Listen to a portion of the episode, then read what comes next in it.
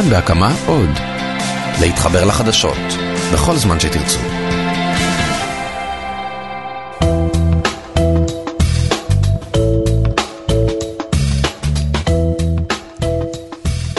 טלל אל-קרינאווי, ראש עיריית רהט, שלום. שלום וברכה. עוד מעט נצלול לנבחי המגזר הבדואי והיחסים המורכבים שלו עם המדינה. לפני הכל, אה, אי אפשר נדמה לי אחרת. תן לי איזה תובנה או שתיים שלך מאירועי אום אל-חיראן ומה שישאר לנו אחריהם. אום אל-חיראן זה אחד האירועים הכי קשים שקרו בנגב, שלצערי הרב השאירו שסע בין החברה הבדואית לבין ממשלת ישראל, בתקווה שמישהו חכם יבוא ויציל את השסע הזה שהוא הלך והתרחב. אנחנו מאוד מאוד מאוכזבים מהאירועים של אום אל-חיראן. כמה ממה שקרה שם, במובן הזה של יחסי המדינה והמשטרה עם המגזר הבדואי, הוא בר תיקון? תשמע, אה, הכל אפשר לתקן בזה שבאים ומתנצלים בצורה מפורשת למשפחה, לאוכלוסייה הבדואית בגדול, שציירו אותנו דאעש, קיצוניים, אנחנו המומים, גם מהאירוע עצמו, כי נהרג גם אזרח וגם שוטר. גם השוטר כואב לי וכואב לאוכלוסייה הבדואית לא פחות, גם מאבו אלגעאן עצמו. ובנוסף לזה, צבעו אותנו בשחור, אנחנו דאעש. קודם כל לא צבעו אתכם, צבעו את האיש עצמו.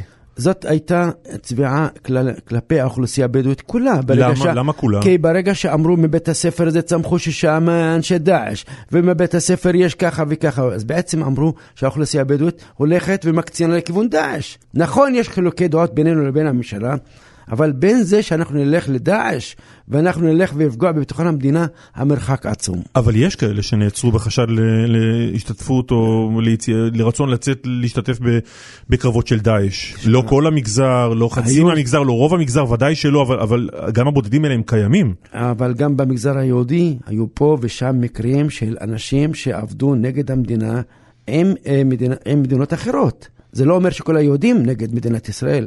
אז היו שניים, שלושה אנשים שתמכו בהצהרה זו ואחרת בדאעש, אבל בין זה שתגיד כל האוכלוסייה דאעש, המרחק עצום. לא, אף אחד לא אמר כל האוכלוסייה, אבל, אבל אה, אין הקצנה בשנים האחרונות, בעשורים האחרונים באוכלוסייה הבדואית?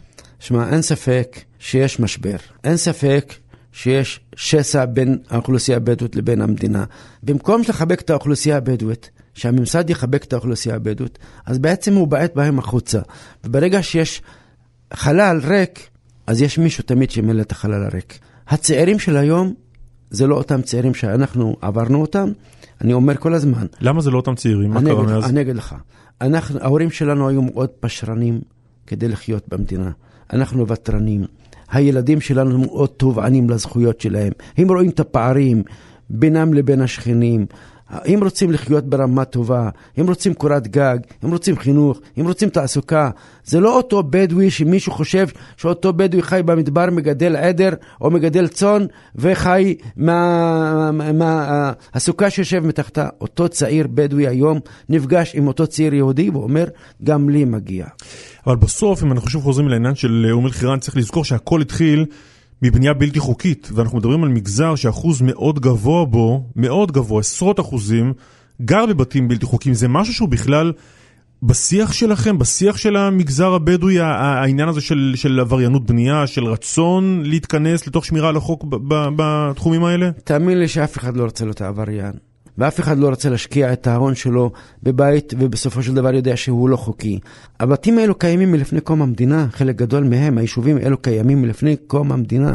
אום אל-חיראן העבירו אותה בשנות ה-50 הממשל הצבאי למקום הזה. הם לא באו, לא התחשק להם לבוא לשבת שם במקום הזה. גורם ממסדי העביר אותם לשם. אבל עדיין הבנייה היא בלתי חוקית, וצווים של בית משפט הם צווים של בית משפט. מי אשם בזה? מישהו היה צריך לתכנן אה, גבולות שיפוט, תוכניות מתאר. אבל הנה, המדינה תכננה, אה. אמרה להם, בואו, יש לכם שכונה בחורה, בואו תעברו, הרוב עברו, כל המלחמה עם אלה שסירבו לעבור. לאן היא מציעה להם הצעות? נניח אליך ל... לרהט. נכון, ואז, רגע, רגע, רגע, לפני שאתה עונה, כי אני אצטט ציטוט שלך, כי כשמנסים להסדיר את ההתיישבות, ואומרים לתושבים בפזורה, בואו, יש לנו עיר נפלאה, וצריך להגיד לזכותך, רהט היא עיר ואם בישראל, שמטופלת יפה ומנוהגת יפה על ידך, ואז כשהמדינה רוצה להעביר בדואים מהפזורה, מהפחונים לבתים ושכונות מסודרות וחוקיות ברהט. מה אתה אומר להם? ואני מצטט מראיון שלך ממש מהזמן האחרון. אתה אומר, אני אומר לתושבים בפזורה שמנהלים משא ומתן עם הממסד ומתכוונים לוותר על האדמות שלהם ולבוא להתיישב ברהט, לא נקבל אתכם, לא ניתן לכם שירותים. למה? אין ספק, ואני אומר את זה גם עכשיו, בפניך, לא נקבל אותם. כי קודם כל אנחנו מחויבים לדאוג לתושבים שלנו. אנחנו מדברים על מצוקת דיור קשה מאוד בעיר רהט, עיר ואם בישראל, יש בה היום מעל 5,000 זוגות צעירים שאין להם קורת גג. בעשר שנים האחרונות לא פותח ולו מגרש אחד. להוציא את מה שאריק שרון תכנן ב-2003, לא תוכנן מגרש אחד ברהט, לזוגות הצעירים. אז ברהט יש מצוקת דיור, יש בעיה של מוסדות חינוך, תעסוקה, ולכן אי אפשר לדחוס בעיר רהט עוד אין סוף תושבים כאשר אין לנו אפשרות, לא בקרקע מדינה. למה לא מתוכנן עוד? איפה הבעיה? כי המדינה לא תכננה. כי בעשר שנים האחרונות אלו, אותם פקידים שישבו בממס, בממסד, כל הזמן עסקו בהצגת מצגות בפני מקבלי החלטות, לא חיו בשטח. רק ביום 28 לחודש פורסם 900 יחידות דיור ברהט. ראית את הסרט, ראית את מה שקרה? שמעת על מה שקרה? התנפלות. אל, אלפים, אלפים אותם זוגות צעירים רוצים קורת גג, מה מצפים? עכשיו, אותם צעירים שאין להם קורת גג, פתאום מישהו מתכנן להביא, להעביר יישוב זרנוק של 6,000 נפשות. תאמין לי, בקיבוץ שובל שתכננו להקים לול של 6,000 עופות, יעשו סקר סביבה, יעשו uh, יכולת של היישוב לקלוט. בעיר רהט אתה מחליט להעביר 6,000 בני אדם, בלי לתאם עם הרשות המקומית? האם אני מסוגל? האם יש לי פתרונות? האם אני פתרתי את הבעיה של הזוגות הצעירים שלי? האם יש לי מערכות של תעסוקה בשבילם? אני עיר שיש לה 34% אבטלה. מה אתה מתכוון, מה, מה מישהו מתכוון להפוך את העיר הזאת לסלאמס? כמה נשק בלתי חוקי יש ברהט? וואו, אתה שואל שאלה שאני כל הזמן מוטרד ממנה, גם במגזר הערבי כולו. יש כמויות של נשק לא חוקי. מה, תן לי הערכה, כמה אנשים גרים ברהט? היום ברהט עם הפריפריה שלה 73 אלף תושבים. כמה נשקים לדעתך מסתובבים שם? אלפים. זה לא רק ברהט, בכל היישובים הערבים במדינת ישראל. ופה צריך שהמשטרה תפעל זאת גם הדרישה של הציבור עצמו, שאומר שהמשטרה כן תיכנס ותאכוף את החוק ותמגר את הנשק הבלתי חוקי. אבל עזוב רגע את המשטרה, תסביר לי קודם כל שני דברים. אחד, מה זה עושה לעיר, שיש בתוכה אלפי נשקים בלתי חוקיים? ושתיים, למה אנשים צריכים את זה? אז אני מבין, אה, אה, גם ב- בישראל היהודית, סליחה על הביטוי הזה, יש ארגוני פשע ויש עבריינים שמחזיקים נשקים. אצלכם זה לא רק עבריינים. לצערנו הרב, עדיין סכסוכים של חמולות, קטטות, פעם גם אה, לירי בחתונות, אבל לאט לאט אנחנו מודעים לזה והציבור מתחיל להיות מודע לזה, זה מסוכן לכולם, וישנה מלחמה, באמת, בעניין הזה, בלתי פוסקת. כשאתה בא לחתונה ביישוב רהט היום, ויורים, אנשים קמים ועוזבים את החתונה. לאט לאט בחתונות זה יורד, גם לאט לאט, גם בנושא של הקטטות בין חמולות, מתחילים להבין, אתה רוצח, אתה עוזב את היישוב. ולכן מתחילים להבין את הסכנה שקיימת בנשק בלתי הנשק הזה, רואים אותו אבל ברחובות? לא, לא. בקטטות לא. קטנות, בגנבות קטנות, פתאום נשלפים... אה, לא, לא, זה, זה בעיקר בקטטות גדולות, בעיקר בסכסוכים בין חמולות, שלשמחתנו לאט לאט מתחילות לרדת, אבל עדיין יש כמות נשק לא חוקי במגזר הערבי כולו, מהגליל, מהמשולש, מהנגב, שצריך להילחם בה. סליחה, יש גם הרבה מאוד uh, זרים, שוהים בלתי חוקיים שגרים בעיר, נכון? יש גם uh, שוהים בלתי חוקיים כמה? שבאים, uh, גם כן, uh, אני חושב, בין 4 ל-5 אלף תושבים לא חוקיים. פ... מה זה פלסטינים, שב"חים? פל... שב"חים, שחלקם באים להתפרנס בכבוד ואין על זה מחלוקת, אנחנו בעד, אבל גם חלקם שבאים ותורמים לפשיעה. וגם את זה אנחנו מבקשים מהמשטרה לטפל. אנחנו לא נגדם, אבל חלקם באים להתעסק בפשיעה, וחלקם אנשים מבוגרים. איפה המשטרה? תשמע, המשטרה נמצאת, אבל המשטרה חייבת בסיוע ובתוספת כוחות אה, מסיבית כדי לטפל בעניין הזה. המשטרה מטפלת ברהט, בבני שמעון, בלהבים, תחנת משטרה אחת, עם היישוב תראבין א-סנא, והיא צריכה תוספת כוחות, תוספת אמצעים. שאתה תסתובב בעיר רהט ותראה שתיים, שלוש ניידות, זה ייתן לך תחושת ביטחון, ואנחנו רוצים את זה. ואני ראש עיר שכל הזמן... ניידות משטרה מסתובבות בביטחון מלא ברהט? כל שוטר מסתובב בביטחון מלא, כל אזרח מוזמן לעיר רהט, יהודי וערבי בביטחון מלא. לא, כי לא בכל היישובים הערביים זה ככה, לכן אני שואל. לא, אני אומר לך, ברהט מסתובבים ובאים הרבה מאוד יהודים, הרבה מאוד חברים שלי, לא חברים שלי, באים בשבת, עושים את הקניות שלהם, והתחושה היא תחושת ביטחון בעיר רהט.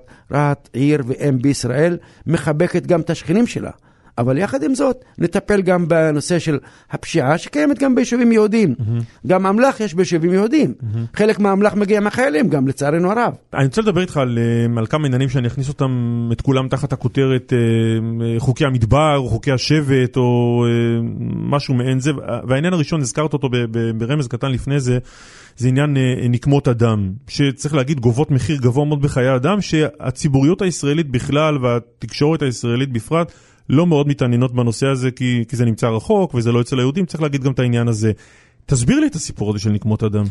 תשמע, אחד המנהגים הקשים וה, ובאמת המאכזבים זה הנושא של נקמת דם בקרב האוכלוסייה הבדואית. שברגע שמישהו ממשפחה מסוימת נהרג, אז המשפחה חייבת לנקום את דמו. זה מנהג עתיק, אה, מנהג שגם האסלאם נלחם בו.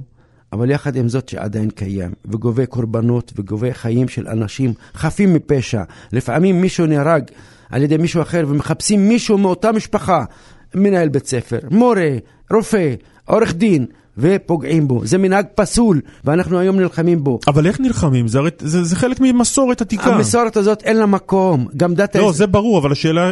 בוא, בוא, בוא שנייה אחת, בוא נפרוט את זה רגע לפרוטות כדי שנבין על מה אנחנו מדברים.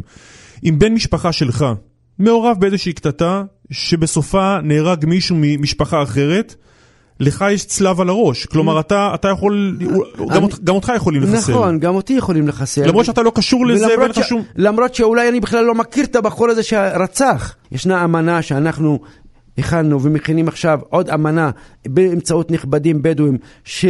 כל מי שעושה מעשה רע יישא באחריות בלבד ולא אחרים יישאו במעשים שלו. כי אנחנו עוד, לא עוד משפחות קטנות, לא עוד חמולה קטנה. אתה מדבר על משפחות שמונות עשר אלף וחמשת אלפים בני אדם, שחלקם אתה לא מכיר.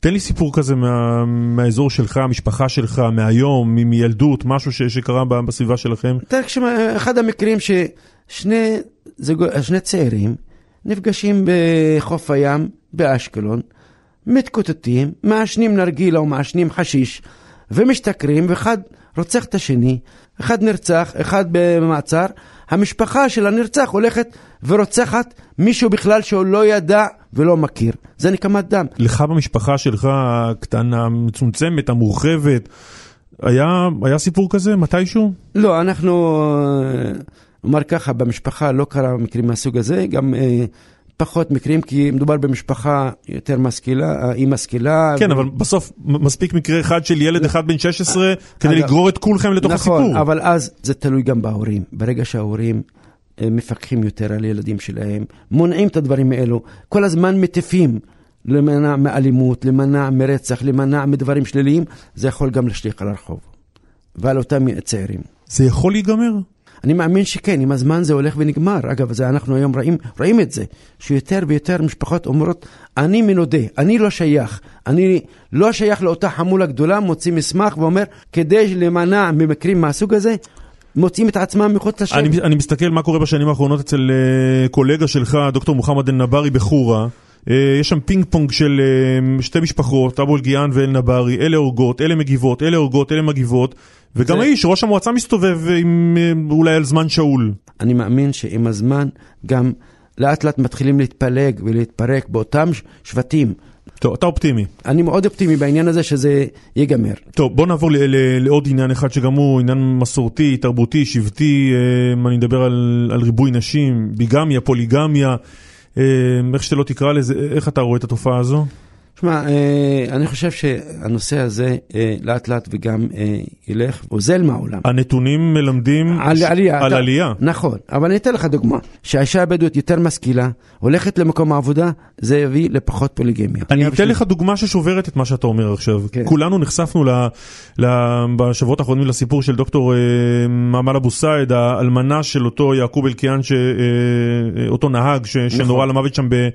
אה, באום אל-חיראן, היא דוקטורית, היא אישה משכילה, ובאמת, אה, נדמה לי הדוקטורית השנייה במגזר הבדואי, והנה פעמיים היא הייתה אישה שנייה שלקחו אותה והיא אמרה באחד הראיונות, באמת ראיון גלוי, גלוי לב, כמעט כמו חפץ, בלי אהבה, בלי כלום, כי ככה זה. אבל אתה מסתכל על זה ואתה אומר, נו, הדוקטורית. יש מקרים הומניים אנושיים שברור לנו שהתחתנו שתיים ושלוש נשים. מקרה של דוקטור אבו סעד, כן? אשתו של המנוח יעקב אבו אלקיעאן. יש לה ילדים מאח שלו, ומקרים מהסוג הזה קורים אצלנו בחברה. כדי שהילדים האלו לא ילכו למישהו אחר, או יגדלו במשפחה אחרת, המשפחה בדרך כלל משכנעת את האלמנה להתחתן עם אח של הבעל. גם אח של הבעל לא עושה את זה מאהבה, וגם היא לא עושה את זה מאהבה. זה נורא, אבל, לא? כן, אבל, אבל הילדים מעל לכל. אם ישנם שניים, שלושה וארבעה ילדים של האח המנוח, אז בעצם רוצים להציל אותם. כי, לא, מה זה להציל? בוא, בוא, בוא, בוא, בוא, בוא נסביר למה אנחנו מתכוונים, כי אומרים להם, תקשיבו, אומרים לה, אם את לא מתחתנת עכשיו עם האח, גם אם את לא אוהבת אותו ואת לא רוצה אותו, המשפחה של בעלך המנוח פשוט תיקח לך את הילדים, אין לה ברירה. הנשים הבדואיות מודעות לזכויות שלהן, מודעות לבית המשפט, לענייני משפחה, מודעות לחוק. אישה יכולה ללכת לבית משפט נגד בעלה? כן, ואני אומר לך, אני מתעסק כראש עיר לא בפח... בהרבה מאוד בעיות של נשים שמגישות תלונות על אלימות במשפחה. הן לא מסתכנות? לא מסתכנות על מאפ. היום, הציבור הבדואי מבין, תתעסק בביטחון המדינה ואל תתעסק באלימות במשפחה. כי אומרים יש לך שם סיכוי, ביטחון המדינה להשתחרר. אלימות במשפחה, אין סיכוי שתשתחרר. ויש מאות מקרים הרווחה שלנו קורסת, שנשים מגישות תלונות נגד הבעל על אלימות, גם הולכות לבית המשפט לדרוש מזונות, פעם זה לא היה, ומעדיפות היום ללכת לבית משפט לענייני משפחה ולא לבית דין שרעי, גם למדו. אה, שרת המשפטים איילת שקד ביקרה היום אצלך נכון. ברהט, ובין השאר היא התייחסה לעניין הזה ואמרה, היום יום האישה, אז אה, אולי תעשו משהו בעניין של הפוליגמיה. אה, איך קיבלו את הדברים האלה שלה? תשמע, רוב הצעירים היום מקבלים את זה, פוליגמיה, והם לא, לא, לא תומכים בפוליגמיה. המדינה יכולה לעשות משהו פה לא. לא, באכיפה? לא, לא, באכיפה לא עשו כלום, ואני אומר, גם אומר להם, תעשו את זה בחינוך. אני זוכר בשנת 95 שנבחרתי, ב-93, לא היינו מוצאים עוזרת גננת אחד לעבוד, תושבת רהט. היינו משקיעים בחינוך של הבנות, לוקחים אותם למכללה, באוטובוס, עם מאבטח, עם שומר, כדי שאנשים ילמדו וישכילו. פעם אחוז הילודה אצלנו היה כמעט מתקרב ל-6%, אתה יודע שהיום 3.2? גם פוליגמיה תיגמר אם אנחנו משקיעים בחינוך. לא, אבל יכול להיות שהמדינה בכלל מעודדת אה, פוליגמיה, כי המדינה משלמת, אה, אה, אני לא זוכר כרגע איך קוראים לקצבה הזו, אבל אה, כשיש לך כמה נשים אתה מקבל יותר ביטוח לאומי. לא, לא... כשמפנים אותך, אה, טלל שנייה, כשמפנים אותך מהפזורה אל רהט לצורך העניין, אם יש לך שלוש נשים אתה תקבל שלושה מגרשים, אז אולי בעצם המדינה אומרת לבדואי, תקשיב, יותר כלכלי לך להתחתן עם עוד כמה נשים. קלמן, זה מתגמל. קלמן זה בהיסטוריה, זה לא בנוכחי. הצעירים של היום מבינים את העניין הזה, ואי אפשר לחיות על העבר. הצעירים היום חושבים אל העתיד. השכלה, תעסוקה, בית, התחייבויות, רוצים לבנות את מקומם בחברה הישראלית. ופוליגמיה, אה, מקרים חריגים יש. אבל תקשיב, זה הידועה בציבור. גם אצל הציבור היהודי, היהודי יש ידועות בציבור, ואנחנו מכירים את העניין הזה. אבל אנחנו עושים את זה, אלה שרוצים להתחתן עם שעה שנייה, עושים את זה, איך אומרים, על פי ההלכה המוסלמית. לצערי הרב, אצל היהודים עושים את זה לא לפי אף הלכה. מה, חתונה עם אישה שנייה? פלגש, פלגש מהצד. אה, אתה מדבר על בגידות. על פלגש מהצד. אתה אומר אם כבר בוגדים בוא נשים את זה על השולחן. אה, בדיוק. נביא את הרב, נלך לבית הדין השרעי ונבגוד כמו שצריך. נכון. הבנתי, יפה. תגיד, נכון יהיה להגיד שבשנים האחרונות יש איזשהו תהליך של פלסטיניזציה של, לא רוצה להגיד של המגזר, אבל של חלקים במגזר? אין ספק שזה קיים. מאיפה זה בא? שאל את הממשלה, שאל את הקיפוח. שאל את התסכול. שלוש שנים אני זועק את הזעקה של תושבי רהט והתושבים הבדואים כראש פורום הרשויות הבדואיות, בכל משרד. אתה יודע מה הלכו וסיפרו עליי פקידי הממסד? שאני קיצוני, שאני שייך לתנועה הזאת והתנועה הזאת. אני שגדלתי 40 שנה בתנועת העבודה, הנוער העובד והלומד, המשמרת הצעירה. שם גדלתי על דו-קיום, על אהבה, הלכו וצבעו אותי בגלל שאני מתריע על המצב הזה, והם לא ערים למה שקורה. ואני אומר לך, אם פעם הצביעו למפלגות ציוניות בגאווה, היום לא מצביעים למפלגות ציוניות. למה אתה מצביע? אני הצבעתי כמעט 36 שנה למפלגות ציוניות. הבחירות האחרונות הצבעתי למפלגה ערבית דמוקרטית. תסביר לי. לא מוצאים את מקומנו במפלגות הציוניות. זו פעם ראשונה שלא הצבעת למפלגת העבודה או לקדימה? זו פעם ראשונה שלא הצבעתי למפלגת העבודה ולא לקדימה, והלכתי והצבעתי למפלגה הערבית המשותפת. כי מה, אבל כשאתה רואה את אחמד טיבי או את חנין זועבי, אתה אומר, הם מייצגים אותי יותר טוב? לא, אני אגיד לך, כי אני רואה את הציבור הישראלי הולך ועומד בקיצוניות ימינה. אני רואה שהמפלגות בעצם סוקטוריאליות, מגזריות. אני צריך להצביע לסופה לנדבר מאשדוד, אני לא מכיר אותה.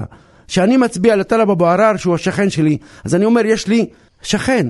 אם היה לי נציגות בדואית במפלגה ציונית, סביר להניח שגם אני ואחרים היינו מצביעים שם. מכיוון ששאלתי אותך על הפלסטיניזציה, אז אני, כן, שואל, אז אני כן הולך איתך למקומות האלה של, של אה, ג'מאל זחאלקה, של, אה, אה, של חנין זועבי, אני שואל, כשאתה מסתכל ואתה רואה לא. את מה שהם עושים בכנסת, אתה אומר, כן, הם מייצגים אותי נאמנה. לא, לא, לא, אני אגיד לך, בעניין הזה, אני, עם כל הכבוד, ואני בטח חושב שחנין זועבי תשמע אותי, העמדות שלה לא מייצגות אותי, ואני לא מקבל אותן. אני...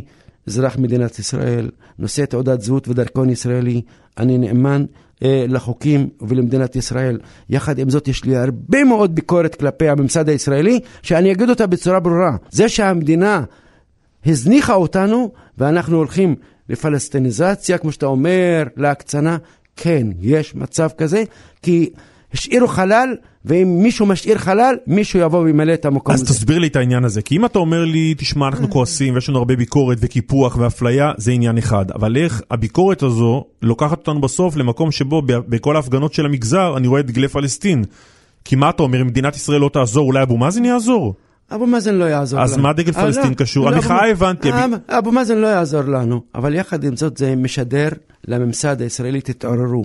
אנחנו מביאים את הכעס הזה בזה שמרימים את הדגל פלסטין, והצעירים מרימים את הדגל הזה כמחאה, כי אין מישהו שיחבק אותם. אני כל הזמן צועק למשרדי הממשלה, כל זמן שאתם לא תחבקו את האוכלוסייה הבדואית, מישהו אחר יחבק אותה. אתה רוצה אבל חיבוק מאבו מאזן? זה מה שאני מנסה להבין. אני רוצה חיבוק בממשלת ישראל, אני רוצה חיבוק, אני כאזרח מדינת ישראל. כמו שאני מדבר על המכללה, שאני מתכנן אותה כבר עשר שנים, מכללה אקדמית, mm-hmm. ואני בא ואומר, זכותנו ללמוד כאן כישראלים, באוניברסיטה הישראלית, במכללה בתוך העיר רהט ישראלית, ואומרים לי, לא, נא, תשב בצד. הצעירים שלנו הולכים ללמוד ברשות הפלסטינאית, כאלפיים סטודנטים כל בוקר נוסעים לרשות הפלסטינאית ללמוד שם, כי רוצים אקדמיה. וכאן לא מצליחים להבין מה המשמעות של הדבר הזה. אני זועק את הזעקה הזאת, רבותיי, תתעוררו, תן חינוך. למה אי אפשר ללכת לאוניברסיטת בן גוריון? כי שכר הלימוד הוא גבוה, mm-hmm. המבחנים הפסיכומטריים, אנחנו לא עוברים אותם, מה לעשות, אתם אשכנזים, אנחנו בדואים, וקשה לנו לקלט. בחברון אין פסיכומטרי, שכר הלימוד 30 אחוז, מסלול הלימודים נקבע חמישי, שישי, שבת, אז אפשר לעבוד שלושה ארבעה ימים, mm-hmm. והתואר שם מוכר מיד מהמל"ג, והלימודים לא פחות רמה מהישראלי, ואנשים מוצאים את מקומם. למה אי אפשר לפתוח מכללה אקדמית שתחבק את הסטודנטים האלו? ולכן אחרי כל השאלות הקשות האלה שלך, אם אני עושה סקר במגזר הבדואי ואני שואל את הבדואי הממוצע, למי הסנטימנט שלך יותר קרוב, למדינת ישראל או לפלסטינים? איזה תוצאות אני אקבל? תקבל את הרוב עם אזרחי מדינת ישראל, שומרי חוק ושומרי אה, אה, סדר במדינת ישראל, ותמצא 99% יגידו לך, אנחנו רוצים להמשיך לחיות במדינת ישראל. כמעט מתקשר לאותו עניין, כמה חיילים יש לך ברהט היום? אחוז נמוך. מה, תן לי מספר, אנחנו מדברים מה, בבודדים, בעשרות? אני אומר לך, בשנים האחרונות ירד, אני לא חושב שזה עובר את ה-6-7 אחוז. פעם זה היה, הגיע ל-24 אחוז. מישהו צריך לשאול את עצמו שאלה. אותו חייל בדואי שמשרת, ובצוק איתן האחרון, ראית את התוכנית הזאת, שאותו חייל שחזר 40 יום מצוק איתן, ורק הוריד את המדים למחרת ובאו בלדוזרים, הרסו לו את הבית. Mm-hmm. מה זה עשה? אותם חיילים בדואים תושבי רהט, שרוצים פרנסה ותעסוקה אחרי הצבא, ובא ומתחנן שאני אעסיק אותו שומר בבית ספר או מאבטח בבית ספר, זה העתיד שלו? הרי צעירים אחרים אומרים, מותר ללכת, ללכת ללמוד אקדמיה שלוש שנים, מוציאים תואר, ומי שהולך לצבא לא מוצא את מקומו בחברה הישראלית. ובחור שמתגייס, עוד שאלה אחרונה בעניין הזה, בחור שמתגייס, חוזר מגולני עם, אה, עם מדים, יכול להיכנס הביתה בכל מקום במגזר הבדואי, אתה, או מחליף בצומת שוקת בשירותים את המדים? אתה מוזמן לעיר רהט ותראה אותם יוצאים עם המדים שלהם, עם הנשק שלהם. לפני משהו כמו שנה פורסמו נתונים על ההשקעה של הרשויות השונות בתושבים. תל אביב אה, נמצאת אה, לא באופן מפתיע במקום הראשון עם משהו כמו 6,700 שקל בשנה השקעה לתושב. רהט שלך במקום האחרון 218 שקלים לשנה לתושב. מאיפה זה בא? כי אין לה הכנסות עצמיות מארנונה. כל ההכנסות שלנו 315 שקל הכנסות מארנונה, היעדר מקומות, אה, אזורי תעשייה, מסחר, הכנסות ממשרדי ממשלה, ממחנות הצבא, ארנונה לא מחולקת באופן צודק והוגן. לכן עיר כמו רהט שגובה רק 20 מיליון שקל ארנונה, ברור שזה מה שהיא תשקיע בתושב. אבל עיר כמו רעננה, שהיא משקיעה 6,158 ש"ח פר תושב, כי יש לה הכנסות מארנונה. זה מוסיף לעוני ולקיפוח, והיכולת שלנו לתת שירותים מוניציפליים נאותים לתושבים שלנו. מה, מה עשה המעבר של סודה סטרים אליכם? בהחלט אחד הדברים ואחד הבשורות הטובות שמתחוללים בעיר רהט זה סודה סטרים ומפעל קרגל, שני המפעלים הגדולים, שהיום סודה סטרים מעסיק כ-1,400 עובדים. ב-2014... כמה מתוכם מרהט? מעל 50% מרהט. ומפעל קרגל הולך להעסיק כ-900 עובדים, ובשנת 2014 אחוז האבטלה היא 34 אחוז ברהט, היום הוא 14 אחוז. ולמרות זאת נדמה לי שאני זוכר שהיו התקפות על המעבר הזה, גם של ארגוני שמאל, גם של ארגוני BDS, שתקפו את סודה סטרים, גם כשהוא היה מעבר לקו הירוק וגם כשהוא עבר אליכם, מתוך איזו טענה שלוקחים אדמות של הבדואים או משהו מה, מה, מה, ממשפחת הטענות האלה. אני אומר לך, אה, מי שתקף את סודה סטרים וקרגל שבאו לרהט, הוא לא מבין על מה הוא מדבר. זה שני מפעלים שמביאים לנו תקווה, תעסוקה, פרנסה. מילה אחרונה, שאולי, אתה יודע, אולי הסיוע של חבל ההצלה של כל מה שדיברנו עליו, אה, עברה עכשיו תוכנית החומש, מיליארדי שקלים של השקעה בשנים הקרובות, זה יעזור? קלמן, אני אומר לך ואני אומר לכל המאזינים, התוכנית הזאת, אולי ינוצל ממנה רק עשרה אחוז, כי בלי הסדר קרקעות, תביעת הבעלות, לא נוכל לקדם מוסדות ציבור. העיר רהט תקועה שלוש שנים בנושא של מעבר, חיבור לכביש 6 בגלל תביעת בעלות. בעלי הקרקע שהם אה, מתכננים אזור תעשייה נוסף, 350 דונם, תובעים 350 מוכנים להתפשר על 35 דונם והמדינה מושכת אותם שלוש שנים. אז אין חיבור לכביש 6, אין אצטדיון, אין אזור תעשייה, אין אולם אירועים. כי התפיסה אבל של מי שניסה לקדם או מנסה לקדם את המגזר הבדואי, זה אומרת ככה, יש משהו כמו 20% מקסימום של תובעי בעלות במגזר הבדואי, במקום לריב איתם ולקחת בני ערובה את כל ה-80% האחרים, בוא נניח את העניין הזה. ניתן הרבה מאוד כסף וננסה לקדם את המגזר. אתה אומר מה, עד שלא תפתרו את זה אי אפשר יהיה לקדם כלום? בהחלט, אם אני מתכנן על, באזור הזה מעבר או חיבור... בסוף הכל חוזר למאבק על הקרקעות? גם אנשים מוכנים להתפשר. יש עדיין ברשויות המדינה גורמים שחושבים שאם מגיעים לפשרה על, עם בדואי על קרקע, זה בעצם יוצא מהדם שלו. קרקע נשארת במדינת ישראל. אם בדרך לשם הוא מנופף בדגל פלסטין, אי אפשר לבוא בטענות אל מי שחושב ככה. שמע, דגל פלסטין, בסופו של דבר שאתה דוחק אותי לפינה ולפינה, ואתה אומר לך לקיבינימט, אז אני אמחה נגדך ואני אתפוס דגל, פל, דגל פלסטין. אבל אם אתה מחבק אותי ומגיע איתי להסדרים ופשרות, אז אני אומר, וואלה, אחלה, התפשרנו, הסתדרנו, יש לנו עתיד משותף, זה מה שאנחנו רוצים. אין אנחנו והם, אנחנו ביחד. אתה אופטימי אבל אמרת. בהחלט, אנחנו פועלים ביחד על מנת לקדם את האזור כולו, ושבנגב יחיו יהודים ובדואים, כמו שאנחנו עושים את זה ראשי רשויות, ביחד מפתחים את הנגב, גם נוכל לפתח את הנגב לאזרחי המדינה. טלאל אל-קרינאווי, ראש עיריית רהט, אה, תודה רבה לך. תודה רבה וכל טוב.